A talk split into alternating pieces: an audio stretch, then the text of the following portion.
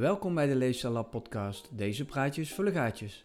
Een podcast waarin we in gesprek gaan over leefstijlgerichte gedragsverandering. Mijn naam is Roel Hermans, gedragsonderzoeker aan de Universiteit van Maastricht en oprichter en eigenaar van Leefstijl Lab. Een inspiratieplatform dat ik heb opgezet om mijn kennis en expertise over gedragsverandering te delen met een groot publiek. Deze podcast is aangesloten bij Vriend van de Show. Als je vriend van de show wordt, steun je onze podcast en zorg je ervoor dat wij deze show kunnen blijven maken en verbeteren. Zo blijf je dus verzekerd van de waardevolle informatie die mijn gasten met je delen. Vriend worden kan al vanaf 2,50 euro per maand of via een eenmalige donatie. Ben je dus een liefhebber van deze podcast? Denk dan eens aan een kleine bijdrage. Goed, zover alle achtergrondinformatie. Vandaag ga je luisteren naar het eerste deel van mijn gesprek met dokter Samefko Ludidi. Samefko is gepromoveerd voedingswetenschapper, lifestyle coach en ondernemer. Samefko promoveerde aan Universiteit Maastricht op het prikkelbare darmsyndroom en verliet daarna de wetenschap om zich te richten op het coachen op leefstijl. De kans is groot dat je hem inmiddels kent van de Dr. Ludidi vaste methode, een door hem ontwikkelde methode om intermittent fasting voor iedereen toegankelijk te maken. Samefko adviseert cliënten, organisaties en bedrijven op het gebied van gezondheid. Hij is Head of Nutrition bij een wielerploeg en verschijnt regelmatig in de media om zijn visie op voeding en gezondheid te delen. Een druk baasje dus. Semefco stond al lange tijd op mijn lijstje met gasten voor deze podcast. Niet omdat ik hem alles wilde vragen over intermittent fasting, maar omdat ik met hem van gedachten wilde wisselen over het vertalen van wetenschap naar praktijk. Het is een openhartig gesprek geworden waarin Semefco en ik open en eerlijk zijn over de uitdagingen die komen kijken bij het toegankelijk maken van wetenschappelijke kennis. Het resultaat van dit gesprek ga je dus horen in twee delen. Tof dat je luistert. Semefko, goedemorgen, leuk dat je er bent. Yes. Echt heel tof om jou te gast te hebben. Dit keer niet vanuit mijn eigen studiootje in huis, maar op een hele toffe locatie. In Wiegen, of all places. Maar eigenlijk is de start van mijn, uh, van mijn podcast altijd dat ik de gast zichzelf even laat voorstellen. Dus uh, go your gang, zou ik zeggen. Spannend. Dankjewel, Roel. Uh, ik vind het super fijn om hier te zijn. En ik denk dat deze ruimte daar zeker aan bijdraagt voor de luisteraars. Ik, ja, het spijt me dat jullie het niet kunnen zien. Um, maar we zitten in ieder geval gezellig aan een tafeltje. En ik denk dat deze setting een goede plek is om ons gesprek mooi diepgang te gaan bieden. Over mezelf. Gepromoveerd voedingswetenschapper. Ik ben van huis uit voedingswetenschapper, bewegingswetenschapper. Maar al bijna tien jaar in de praktijk bezig als leefstijlcoach, uh, coach onder andere topsporters, celebrities, uh, head of nutrition bij Team Quebeca, de Zuid-Afrikaanse wielerploeg. Auteur van de Dr. Ludidi vaste methode, om een aantal zaken te noemen. En vervent sporter, vind ik zelf ook altijd belangrijk ja. om te noemen. Ja. ja, heel tof om te horen. En ik denk dat dit ook de reden is waarom ik je heb uitgenodigd. Waarom? Omdat we volgens mij een gemeenschappelijke passie hebben in het vertalen van wetenschap naar de praktijk. En uh, als ik naar jouw carrière uh, kijk, dan zie ik ook iemand die niet in een ivoren toren wil blijven zitten, maar die de wijde wereld wil intrekken. Buiten Maastricht, buiten Schimmert, geloof ik, buiten Zuid-Limburg, buiten Nederland zelfs. Want je gaat de hele wereld over.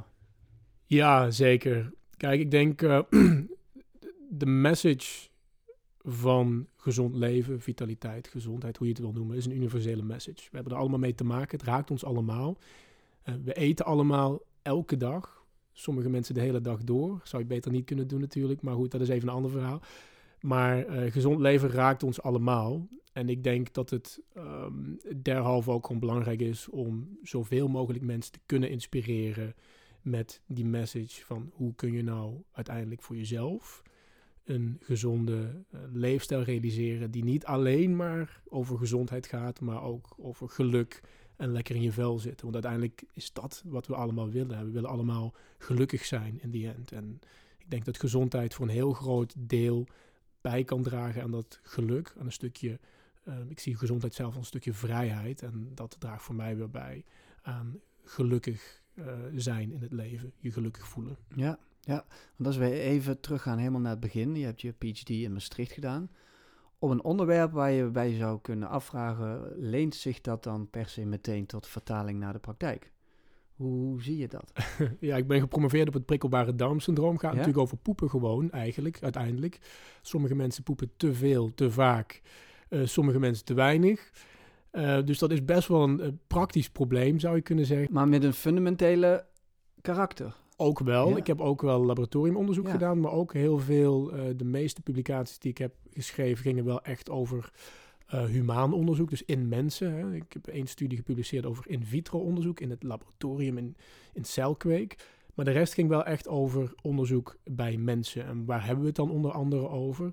Eh, die prikkelbare darmsyndroom, even voor de duidelijkheid, dat is een aandoening van het eh, darmstelsel, met name van de dikke darm, dat bij 10 tot 15 procent van de mensen voorkomt. Dus heel veel mensen hebben daar last van. Vaker vrouwen dan mannen. En dat heeft onder andere te maken met bijvoorbeeld wat je eet. Dat heeft te maken met stress. Mensen die veel eh, ja, onderhevig zijn aan stress, die hebben vaker last van hun darmen. En dat heeft weer met de brain-gut axis te maken, de hersenen-darmas. Er is een soort van verbinding tussen je hersenen en je darmen. Dat voel je ook wel, eh, sommige mensen als ze nerveus zijn en dan krijgen ze opeens last van hun darmen. Dan Ja, voor alle tv-optredens of radio-optredens. even snel naar de eh, wc nog, ja. of, of juist Ja, niet. Hij ja. kan twee dagen niet naar de wc, want ik heb een belangrijk examen. Hè, dus dat impliceert dat er echt een, een verbinding is tussen hersenen en darmen. Dus stress is ontzettend van invloed op, je, op, de, op de, ja, de toestand van je darmgezondheid. Eh, en zo zijn er een aantal facetten waarvan we weten dat die invloed hebben op je darm. En dat die eh, bijvoorbeeld kunnen bijdragen aan het ontwikkelen van een prikkelbare darm. Dus als jij constant heel veel stress ervaart, iets wat inherent is aan deze maatschappij Ja, waarin we leven, met prestatiedruk, werken, Verwachtingen, druk, et cetera, verwachtingen, dan kan dat een effect uiteindelijk hebben op de darm. Dan kun je uiteindelijk een prikkelbare darm ontwikkelen. Als jij heel veel bewerkt eten eet, dan kan dat ook weer een effect hebben op de darm. Dat kan leiden tot een vergrote, wat we noemen permeabiliteit, een vergrote doorlaatbaarheid van de darm. Leaky gut is een populaire term. En dat kan uiteindelijk ook weer leiden tot een prikkelbare darm. Dus er zijn er heel veel facetten die gerelateerd zijn aan leefstijl, die uiteindelijk kunnen leiden tot die prikkelbare darm. Nou, dat is waar ik op gepromoveerd ben. Eh, op dat onderwerp, op die prikkelbare darm en wat daarmee te maken heeft. Ja. Ehm, en uiteindelijk heb ik eh, na mijn promotie, of eh, tijdens mijn promotie stiekem al, ben ik met mensen gaan werken, ben ik mensen gaan coachen op het gebied van leefstijl. Niet op de prikkelbare darm, maar wel op het gebied van leefstijl. Eten, drinken, hoe beweeg je, hoe kun je een betere versie van jezelf worden? Hoe kun je zo fit mogelijk worden op Mhm, het voetbalveld bijvoorbeeld? Mhm. En daar haalde ik zoveel plezier en vreugde uit dat op het moment dat de prof mij een contract aanbood eh, na mijn promotie en het einde van mijn promotie van wil je bij mij komen blijven werken, Semefco. Toen, heb ik, eh, toen zat ik bij personeelszaken om het contract te tekenen, letterlijk. En toen dacht ik van, ja, is dit echt wat ik wil? Wil ik onderzoeker blijven of wil ik juist met mensen aan de slag in de praktijk? Ja, de vertaler van de onderzoeken. worden. Exact. Ja. En ik heb toen mijn kopje koffie leeggedronken op het moment dat die mevrouw van personeelszaken mijn contract was aan het eh, kopiëren. En toen heb ik gezegd, spijt me, maar eh, vernietig het contract, maar ik ga het niet doen. Ja. Toen ben ik linea recta naar de prof gelopen. Ik heb het hem uitgelegd. Met knikkende knieën Maar dat was natuurlijk. dus echt een last minute bedenking. Ja, het was echt een last minute ja. eh, bedenking. Ingegeven ook wel deels door eh, Helen, mijn partner. Die zei van als jij echt gelooft in waar je mee bezig bent. En als je dit wilt doen, dan kun je dit niet erbij blijven doen. Dan moet je dit gewoon, weet je, dan moet je fully Ja. focused, moet je daarmee bezig zijn. En naar de prof gegaan en die wenste me heel veel succes in mijn verdere carrière. Zijn zegeningen heb ik gekregen en toen ben ik de grote boze wereld ingegaan eind 2013. Ja, want voelde dat ook voor jou als wetenschapper, als grote boze eh, buitenwereld? Of had je eigenlijk zoiets van, nou kom maar op, eh, ik kan dit, ik ga dit gewoon doen? Ja, een goede vraag. Dat voelde wel, daadwerkelijk voelde dat wel echt als een grote boze wereld. Ehm, een enge wereld ook wel. en tegelijkertijd dacht ik als wetenschapper van, ik weet wel hoe het moet in de praktijk. Ik heb gestudeerd. Ik ben zelfs gepromoveerd. Ik ben Mhm. dokter. Dus ik weet wel hoe het moet. Weet je, ik beschik over de kennis. En niets bleek minder waar. Want op het moment dat je dan in de echte wereld terechtkomt, zoals ik dat vaker noem. eh, De wereld, wetenschap is een beetje zo'n kunstmatige Ja, wereld, een bubbel waarin we kennis ontwikkelen met elkaar. Maar dan kom je opeens in de echte wereld terecht. De wereld waarin mensen leven, wonen, werken. En buiten die lab-setting dat moeten gaan toepassen wat wij ontwikkelen in die wetenschap. Dan eh, veranderen de spelregels wel. is het net allemaal iets anders dan wij hadden bedacht. Ja, ja en, en Hoe ging dat dan? Die jouw eerste ervaringen met, met coaching? Ja, ik begon mensen te coachen ergens in 2010, denk ik. En die eerste mensen, die heb ik Prodeo, uh, die begeleide ik. En dat ging allemaal heel goed. En wat ik deed was letterlijk het vertalen van wat ik in de boeken had geleerd. De, uh, de Guidance en de McArdles, de, de, de fysiologieboeken, et cetera. Wat ik daar had geleerd, vertaalde ik gewoon naar een praktisch advies. Naar een eetplan bijvoorbeeld, naar een mm -hmm. beweegplan. En toen ik, ik geloof ik had tien mensen gecoacht. En toen dacht ik van, dit werkt. Ik heb ja. de gouden formule ontdekt. Um, nog wat statistiek op de resultaten losgelaten, om, uh, grafiekjes gemaakt, et cetera. Je blijft een wetenschapper. Hè? Precies. Toen heb ik me ingeschreven bij de KVK. En vanaf dat moment was mijn droom eigenlijk om um, in de topsport te werken. En dan ga je in de praktijk ga je aan de slag meer mensen coachen. En dan zie je opeens dat er mensen zijn die wat minder gemotiveerd zijn. Of dan zie je opeens dat er mensen zijn die het allemaal, terwijl het hartstikke goedkoop was voor je beeldvorming. Ik coachte mensen twaalf weken lang voor 200 piek in de BTW. Dus ja, daar kun je, daar kun je niet van leven natuurlijk. Maar er waren nog altijd mensen die dat te duur vonden. Ja. Uh, die dat liever zorgverzekeraar vergoed zagen, et cetera. Dus je komt opeens tegen allerlei, uh, loop je tegen allerlei hindernissen ja. aan. En dan heb je te maken met mensen die zeggen van ja, het moet wel leuk blijven. Ik moet wel een beetje kunnen blijven genieten. Ik moet wel kunnen blijven drinken. Ja. En, ja, dan kom je dus meteen in een andere wereld dan die we in de wetenschap kennen van de interventie, de RCT, hè, waar mensen bijvoorbeeld een beloning krijgen uh, om mee te doen met jouw onderzoek en dat ook voor jou doen als onderzoeker, uh, omdat, het, omdat ze er ja, gemotiveerd voor zijn om daar ook iets uit te halen. Ja. Dan zit je precies wat jij zegt in die bubbel waarin alles gaat zoals je het idealiter wil.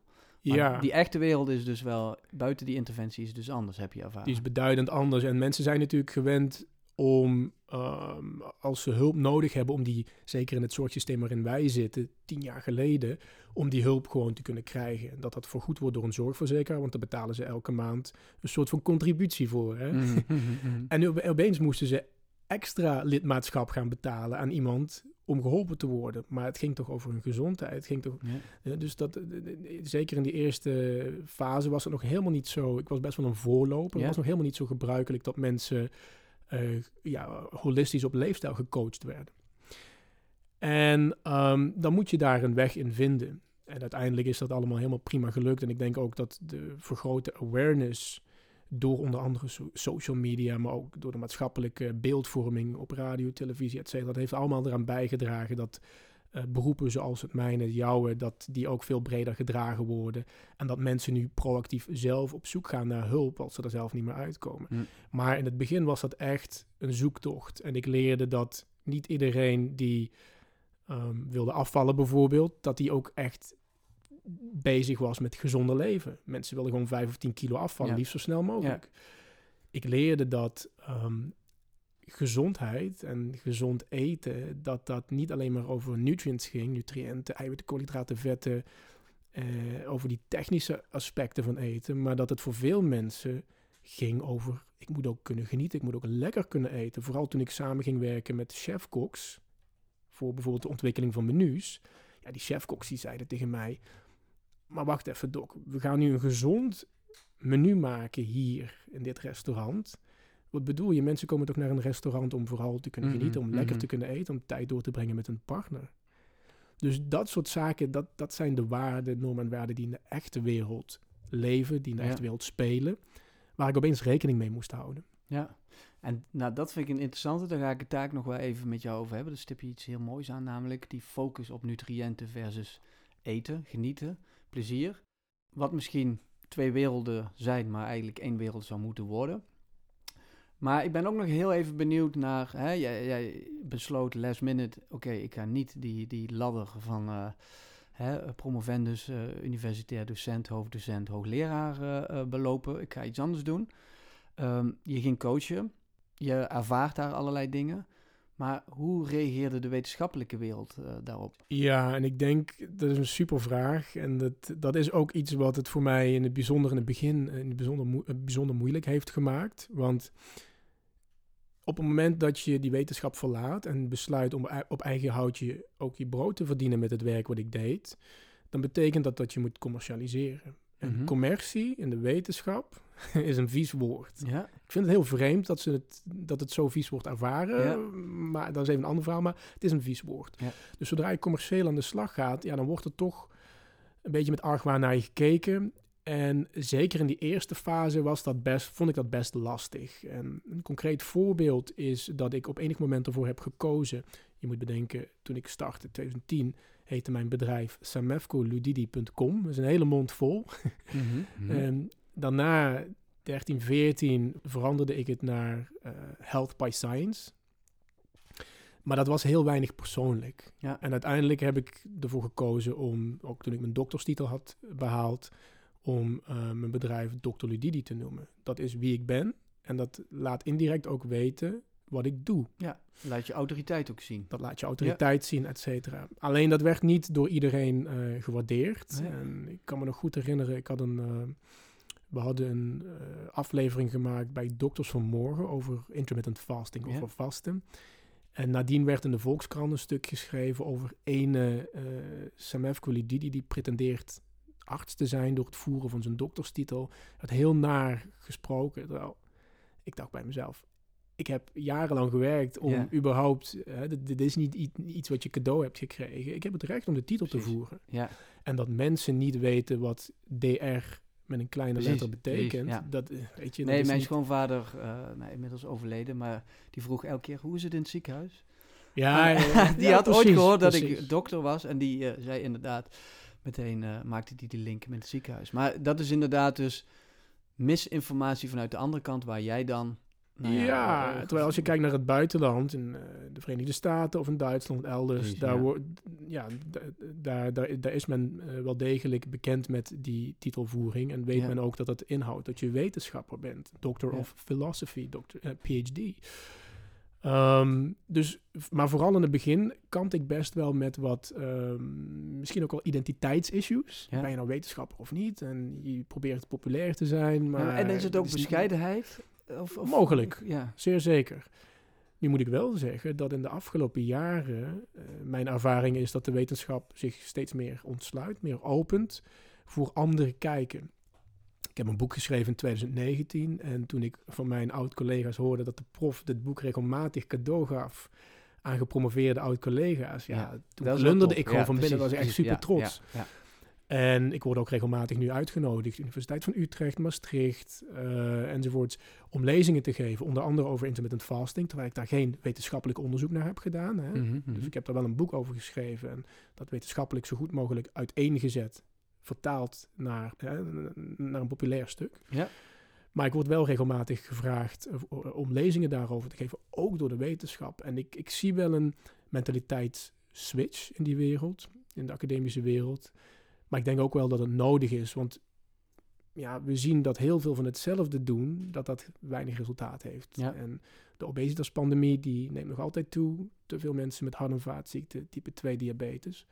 Dus op enig moment moet je je denk ik afvragen, die weg die wij hebben ingeslagen en die ja, een beetje statische weg, die misschien wel hautaine weg, hè, wij voelen ons als wetenschappers verheven, want wij weten het allemaal, vergt dat niet iets meer bescheidenheid, iets meer nederigheid en iets meer aansluiting ook bij wat de mensen nodig hebben. Mhm. En ik zie dat heel veel influencers de massa weten te bereiken. Waarom kunnen wij als wetenschappers dan niet diezelfde strategieën toepassen Mhm. om diezelfde mensen ook te bereiken met een net iets andere, misschien iets genuanceerdere message? Ja, en daar zou ik nog aan toe willen voegen is...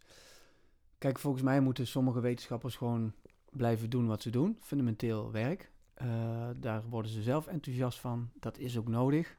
Eh, die moet je ook niet eh, buiten die ivoren toren laten, want daar wordt misschien ook niemand beter van. Omdat ze het niet vertaalbaar kunnen maken naar de praktijk. Maar laat hun dat vooral doen. Wat ik meer zie, en dat, hoor ik ook een beetje in jouw verhaal, is die struggle van de mensen die dat juist wel willen en kunnen.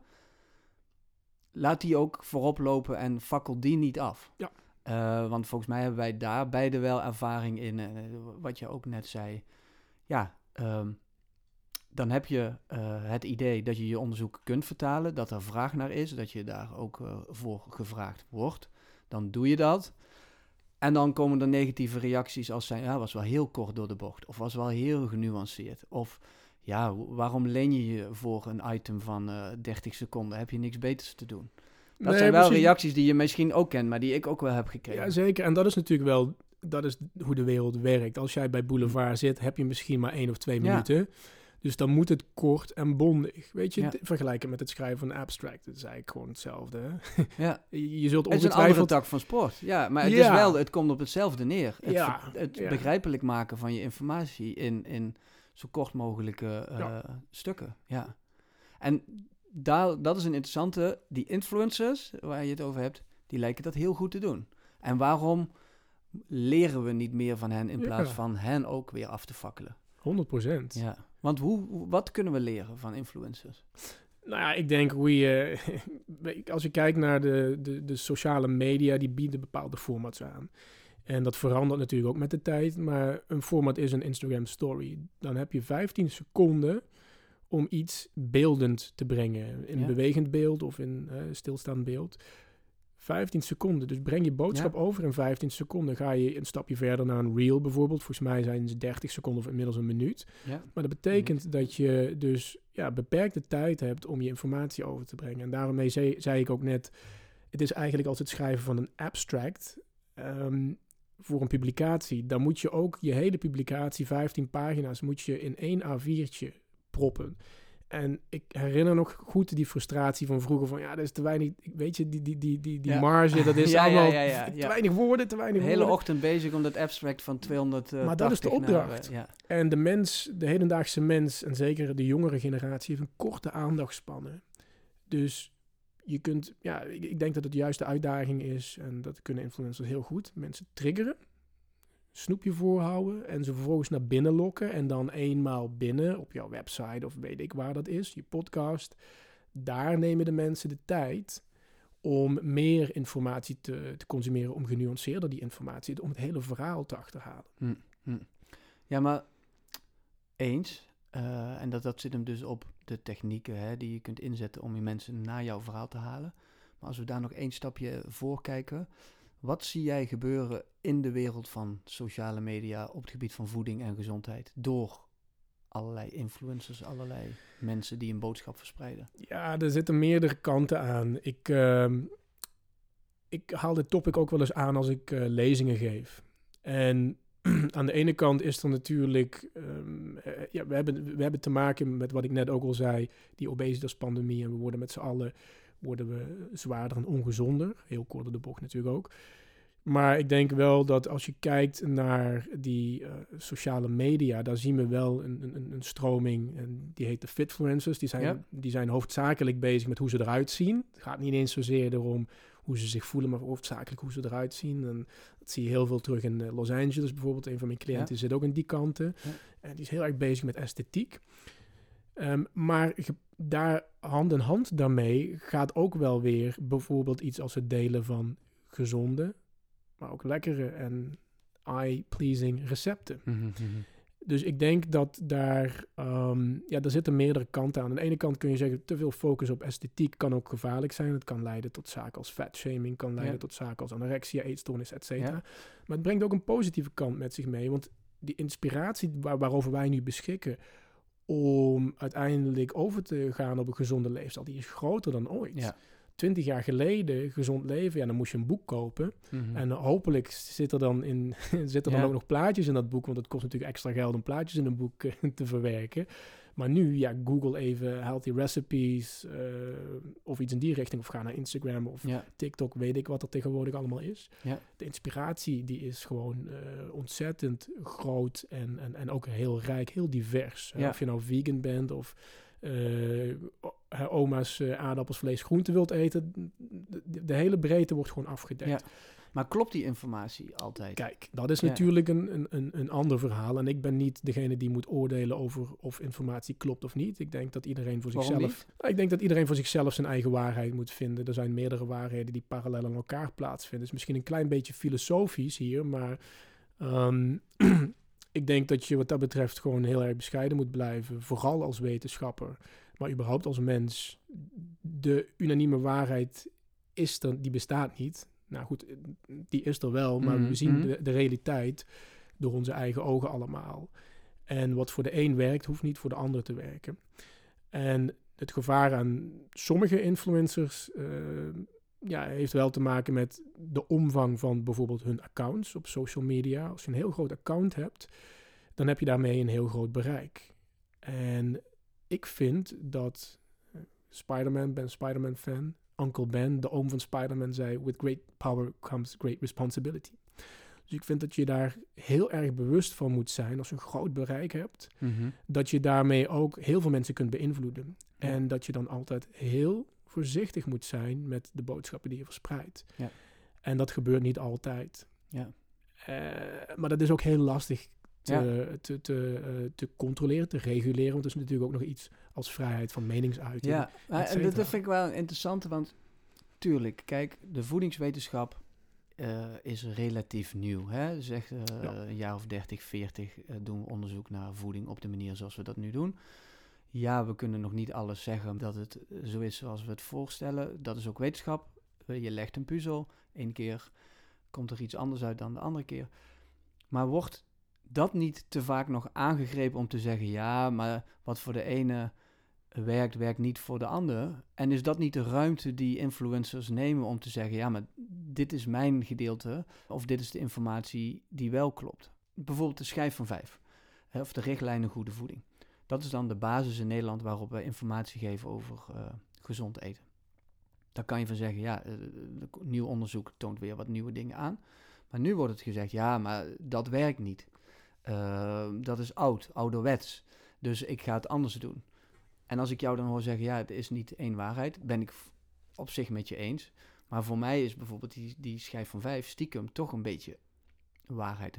Als, zijnde, als, dat al, als dat al de basis zou zijn, zou ik al heel blij zijn. En nu wordt zo vaak die, die nuance opgezocht of die details. Terwijl ik denk, ja, focus gewoon eerst eens op de basis. Daar kunnen we echt wel van zeggen dat het gewoon oké okay is. Ik ben het deels met je eens. En ik, ben het, uh, ik vind zelf niet dat de schijf van vijf ouderwets is. Want goddank, sinds, Ja. hè, sinds de wijziging, ik geloof 2015, Ja. eh, wordt er wel constant naar gekeken. En worden er constant iteraties doorgevoerd. Ehm, dus wat dat betreft denk ik wel dat men probeert mee te bewegen in de huidige tijdsgeest. En ook veel meer me- doelgroepen probeert eh, te bedienen. Ehm, anderzijds, en ja, ik ben het ook met je eens dat de schijf van vijf een, een- ik vind het geen waarheid, ik vind het wel een richtlijn. Ja, ja. Die voor in ieder geval een groot deel van de mensen houvast en sturing kan geven. Maar kijk, ik zelf ben meer en meer die fundamentalistische wetenschap en die reductionistische wetenschap los aan het laten. Die moleculen wetenschap los aan het laten, eiwitten, koolhydraten, vetten Mhm, en alles mhm, af te breken. Ik probeer holistischer te kijken. Ik zelf in- eh, laat me vooral inspireren door mensen die nog altijd in harmonie met de natuur leven. En hoe deze mensen eten. Maar er is ook een, een groep van de mensen die zweert juist bij bijvoorbeeld iets als de traditionele Chinese geneeskunst. Mhm. Waar ook weer heel anders naar eten gekeken wordt. Of naar de Ayurvedische eh, principes. Dus dat is ook wat ik bedoel met er zijn meerdere waarheden die parallel aan elkaar eh, plaatsvinden. Ehm, Weet je, ik zie dan als gedragswetenschapper, zeg maar, dan die focus toch heel vaak op die details. Terwijl niet bewerkte voeding, weet je, focus daar lekker op. Maar we gaan dan weer allerlei gekunstelde dingen doen, eh, die dan een soort van schijn van gezondheid hebben, waarbij we de basis totaal uit het oog verliezen. Dat vinden we namelijk te simpel. Er is geen eer aan te behalen aan water drinken en eh volkoren iets en niet te vaak en niet te veel, maar hè, een beetje gevarieerd dat sneeuwt wat mij betreft zo vaak onder op die social media kanalen waarbij mensen de shine pakken met details. Ja, zeker. En kijk, uiteindelijk, ik, ik stel me dat wel vaker voor als een piramide. Hè? Gezond leven zie ik als een piramide, waarbij het bovenste puntje van de piramide, die 5%, dat, dat heeft te maken met echt optimalisatie. Ja. Maar die 95%, dat is de basis, het fundament van de piramide, die moet in orde zijn. En die 95%, als je die in orde hebt, dan betekent dat ook dat je gezondheid voor 95% al in orde is. En, dat is niet je- alleen voeding, hè? dat is wat jij zegt vanuit die holistische rust, kant. beweging, zeker. ja, Ja, ja. precies. En dan kun je proberen te optimaliseren als het nodig is in die bovenste 5%. Maar je gaat niet door in die 5% te zitten, daarmee die vijf, de rest van die 95% verbeteren. Dat ben ik 100% met je eens. Ehm, een onbewerkt eetpatroon in de basis. Alleen, dat is niet sexy. Dat voelt niet als een shortcut of Nee. een holy grail. Nee. En dat is uiteindelijk waar wij mensen wel naar op zoek zijn. Dan ga ik Ja. ook weer terug naar tien jaar geleden toen ik ben begonnen als coach. Mensen willen het liefst in twee weken 10 kilo afvallen. Ja, die zeggen tegen jou en mij, geef ons gewoon een lijstje met wat we moeten doen. Dan ga ik dat doen voor jou. Als ze moeten creperen, helemaal Ja, prima. Als ja. het maar voor twee weken is. En, hè, en uiteindelijk, shortcuts bestaan niet. Holy grails bestaan niet. De enige holy grail is, zeg ik wel eens, eh, tot een betere gezondheid is het werk wat je zelf erin stopt. En ehm, daar zit vaak ja, de uitdaging. En dat ben ik met je eens. Men zoekt naar shortcuts, naar holy grails. En dat zit vaak wel in een potje. Ja. Of dat lijkt erin te zitten. Alleen gaat dat het probleem niet oplossen. Dus vandaar ook die focus op de dingen die eigenlijk minder ertoe doen. Ja, ja en dan komen we eh, bij het thema wat, we, wat je net al even aanstipte. Informatie over voeding, focus op macro's en micro's. En focus op plezier, lekker eten in sociaal gezelschap. En zo nu en dan een keer nee kunnen zeggen als je het niet wil. Ja, jij zegt ehm, we focussen te vaak op nutrition en te weinig op eating. Right, Hè, dat, dat zie ik wel eens voorbij komen op jouw Ja. eh, Insta. Ja, waar komt dat vandaan? Kun je ons daar nog een beetje meer in meenemen? Waarom is dat zo belangrijk? Nou ja, kijk, ehm, ik, als voedingswetenschapper word je opgeleid om eten te kunnen begrijpen. Dus dan ga je de boel afpellen. En dan kom je al snel op voedingsstofniveau uit. En op koolhydraten en vetten en eiwitten, et cetera. Maar zoom je uit, zoom je even verder uit, dan gaat eten over veel meer zaken dan dat alleen. En daarvan zou je kunnen zeggen dat dat eigenlijk al gewoon in ons DNA zit. Dat dat eigenlijk al evolutionair bepaald is. Want toen wij nog leefden als jagers-verzamelaars, natuurlijk hadden we nutrition nodig, nutritie, voedingsstoffen. We hadden brandstoffen nodig om achter dat hertje aan te kunnen rennen. We hadden bouwstoffen nodig voor onze spieren om als ze hem hadden gevangen te kunnen terugdragen naar basecamp. Maar eenmaal aangekomen bij basecamp, dan werd daar het eten bereid. Mhm. En dat werd samen geconsumeerd. De Ja. catch of the day werd gevierd. En een viering doe je samen nog altijd. Als iemand jarig is, Ja. komt er eten bij kijken. Of als iemand overlijdt. Hè? Ja, van de gekste dingen. Hè? De cavia van de buurvrouw is jarig. Eten. Ja, taart. Eten, eten, eten. Ja. Dus eten vanuit een biologisch evolutionair perspectief zou ik haast willen zeggen, heeft ook een hele sterke, daar zit een hele sterke sociale component mee verbonden. Dat zo oud is als de mensheid. En ga je nog een stapje verder, we leerden op enig moment ook kruiden en specerijen ontdekken om eten meer aangenaam te maken, lekkerder te maken. En ik denk dat eten in het verlengde daarvan ook als een soort van beloning soms wel gezien kan worden of soms gezien wordt. Mhm. Dus eten gaat over inderdaad voeding, maar het gaat ook over sociaal en het gaat ook over lekker. Ja.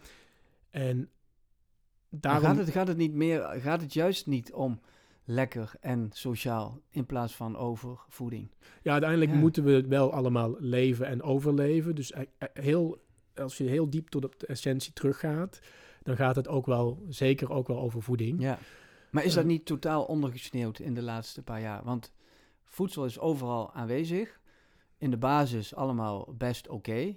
hè? Eh, althans, er is eh, ruim aanbod. En ja, het bewerkte is meer in aanbod dan het onbewerkte. Dat is denk ik wel zo.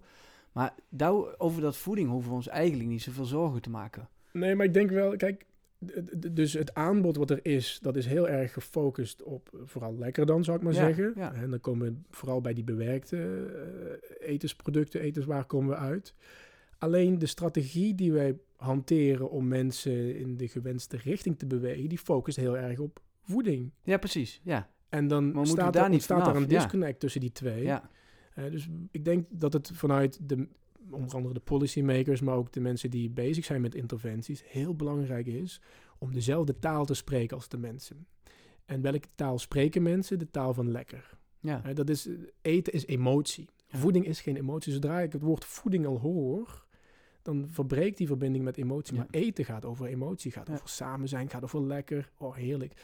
Dus ik denk dat we veel meer moeten bewegen naar die richting van... kunnen we op een bepaalde manier een configuratie vinden... dat we het met z'n allen over eten gaan hebben.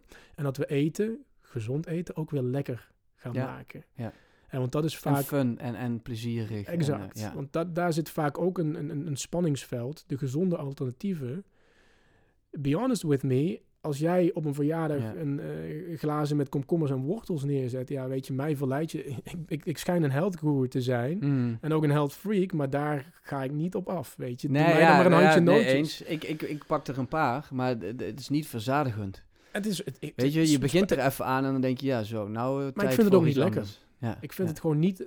ver- Het is niet concurrerend op lekker niveau. Is het niet co- voldoende concurrerend met de ongezonde alternatieven. Nee, niet, niet, nee, eens. Ik vind het op zich wel lekker. De, de smaak is misschien wat neutraler dan al die andere dingen. ik vind Dat, het niet eh, lekker. Maar, ehm, maar ja, na, na twee radijsjes en, en twee eh, wortelstengels, ja, dan weet ik het wel. Maar dan wordt het tijd voor het echte werk. Exact. Ja, ja. En dat is het werk wat, wat, wat, Ja. wat dus de meeste schade ook doet. Dus ik pleit ook heel sterk voor. Ja, laten we even. We zijn met zoveel slimme mensen bij elkaar. laten we die gezonde alternatieven niet eh, even bereikbaar maken. Want als je ze op tafel zet, dan zijn ze er. Hè. Niet even betaalbaar, want dat is ook heel belangrijk. Mhm. Om ze even betaalbaar te maken. Maar ze moeten ook even lekker Ja, precies. zijn. Ze moeten concurrerend zijn op alle niveaus. Met die ongezonde alternatieven die ons continu verleiden. Maar daar zit wel, wat mij betreft, een beetje een spanningsveld. Want ik krijg dan meteen nu weer het idee met al die producenten die onder de schijn van gezondheid eh, een, een soort knutselproduct maken. Eh, noem even de, de bloemkool pizza's en eh, allerlei De wraps. vegan cheesecakes. Ja, allerlei dingen waar je van denkt, ja, er zit een hele schijn van gezondheid omheen, waardoor mensen denken, oh, dit is gezond. Ik kan er ook onbeperkt van eten, want zo werkt het dan ook, hè? de Ja. halo. Ja. Ehm, ja, moeten we dat wel willen? Kijk, bedoel, ik ben het helemaal met je eens dat we gezond, leuk en lekker moeten maken. Eh, en, en mensen daarin moeten verleiden. Maar is de weg die we nu daarin ingaan, is dat dan wat we willen? Bloem, meer bloemkoolpizza's, meer van dit soort producten? Omdat die wel die, die schijn van lekker en aantrekkelijk hebben ten opzichte van wat er was? Ik denk dat de meeste mensen liever gezondheid kopen dan dat ze er zelf moeite voor moeten doen. Ehm, gemak. En dan kom je uiteindelijk toch uit. Ik zie het ook nog steeds bij cliënten van mij. Ik had gisteren heb ik nog een nieuw programma gemaakt voor eh, een cliënt van mij uit Los Angeles. En die stuurt me dan een link door met zijn ehm, supplier die zijn maaltijden dan maakt. Omdat hij zelf daar de tijd niet voor heeft of niet Ja. voor wil nemen. En in het verlengde daarvan ja, ontstaan ook slimme start-ups en slimme bedrijven Ja. die denken: ik, ik ontzorg jou en ik kom met een gezonder alternatief dan de normale deegpizza. Kom ik met een eh, 30% Ja, precies. bloemkoolpizza. Ja. Weet je, daar zit dan toch 30% groente in die bodem verwerkt. En dat heeft in ieder geval een gezonder imago. Ehm, en zo zijn er tal van producten te noemen. Ja, ik, ik snap het vanuit een business point of view. Ehm, ja, dat zeker. Ik zou zelf vanuit een gezondheidsoogpunt nog een stap terug willen gaan. En uiteindelijk toch echt naar de basis. Maak je eigen eten, onbewerkt. Ja. En ga echt terug naar die essentie. Ja. Alleen om, die, om de concurrentie aan te gaan met die, met die hyperprocessed, die overbewerkte etenswaar, dat is, ja, dat is gewoon ontzettend lastig. ja. Ehm, omdat die gewoon zo'n sterke verleidingscapaciteit hebben vanwege de suikers, de zouten, de vetten die op smaakniveau, maar ook op eh, sensatieniveau allerlei dingen met ons brein ook doen, Ja, ons precies. brein manipuleren. Ja. Ja, die staan in de basis al voor ten Ja. opzichte van eh, de niet bewerkte producten. Plus het hele marketingstuk wat er omheen zit, is 2-0. Ja. Of, nou ja, 10-0, zeg maar, staan Kijk, we achter. Ik heb twee boys en elke keer als wij lang op de snelweg langs een McDonald's rijden, eh, McDonald's, McDonald's, ik wil McDonald's. Ja. Zo, Ze zijn er misschien in een eh, één keer geweest of zo. ze of zijn er een paar keer Ja, geweest, ja. maar weet je, zo sterk is Precies. werkt die marketing. Heeft weinig nodig. Of als ze op de televisie iets zien van zoetigheid, ik- wat ze nog nooit geproefd hebben, maar ze weten dat het lekker is. Ja. Ja, hoe kan dat? Nee, precies. Ja, eh, met mijn neefje boodschappen doen. Op ooghoogte allerlei figuurtjes, tijgertjes en, en biggetjes en weet ik niet allemaal. Zorgt ervoor dat dat product ultiem lekker is. Nog nooit geproefd, weet het helemaal niet of dat lekker is, maar dat is wel, dat moet mee. Dus Ja. uiteindelijk ga je, de- als je die strijd, ik schenk even wat water in, Ja, als je, ja, als je die strijd echt wil aangaan, dan Ja. vind ik dat je de verantwoordelijkheid niet bij het individu moet leggen. nee. Maar die omgeving, hoe kun je die omgeving op zo'n manier inrichten? En dan heb ik het niet alleen over, over eh, hoe richt je de supermarkt in. Maar dan heb ik het ook echt over het aanbod. Kun je Ja. dat op Ja. enige manier aan banden leggen of minder interessant maken? Ja. Eh, alleen maar grijze verpakkingen Nou ja, eh, om de snoepjes heen bijvoorbeeld. Nee, en de, de helemaal waar. Daar heb ik ook in meerdere afleveringen eh, al over opgenomen. Hè, over die interactie tussen de omgeving en het individu. En dat moet beide. Ehm, maar wat ik hier nog wel heel interessant en ook frustrerend vind, is dit gesprek hebben wij nu. En dan hebben wij het over hè, focus op niet bewerkte producten, bla bla bla. Ehm, in tv-programma's word je uitgenodigd als gezondheidsprofessional om aan tafel te gaan zitten met bijvoorbeeld de producent van zo'n groentepizza. Die wordt daar neergezet. Kijk, ik uh, kom mensen tegemoet in hun health journey. En ehm, mijn rol, jouw rol of eh, de voedingswetenschapper gaat daar dan naast zitten en zegt ja, maar dat valt eigenlijk wel mee. En, dat is... en we worden weer neergezet als degene die met het vingertje komt wijzen, die flauw is. Oh, is het weer niet goed voor dokter Ludidi, dokter Roel? Eh, mm. is gewoon echt een klote rol. Want eigenlijk wil je gewoon zeggen, ja jongens, focus op de basis, verlies je niet in die pizza's om te denken dat je dan gezond bent. Maar het is eigenlijk een oneerlijke strijd. Ik ben in de afgelopen jaar daar wel een stukje harder in geworden, ook naar mezelf toe. Als je geholpen wilt worden, kan ik je helpen. Als je niet geholpen wilt worden, prima. En ik red mezelf in ieder geval. En iedereen die op de boot wil springen, weet je, spring maar gewoon erbij. Je krijgt van mij gratis liefde, kennis en informatie wat je nodig hebt. Mhm. Maar als jij uh, ja, wilt meer, uh, je weet wel, ja. Um, dan, weet je, dan zoek het maar lekker uit. Als je er niet voor open staat, helemaal prima.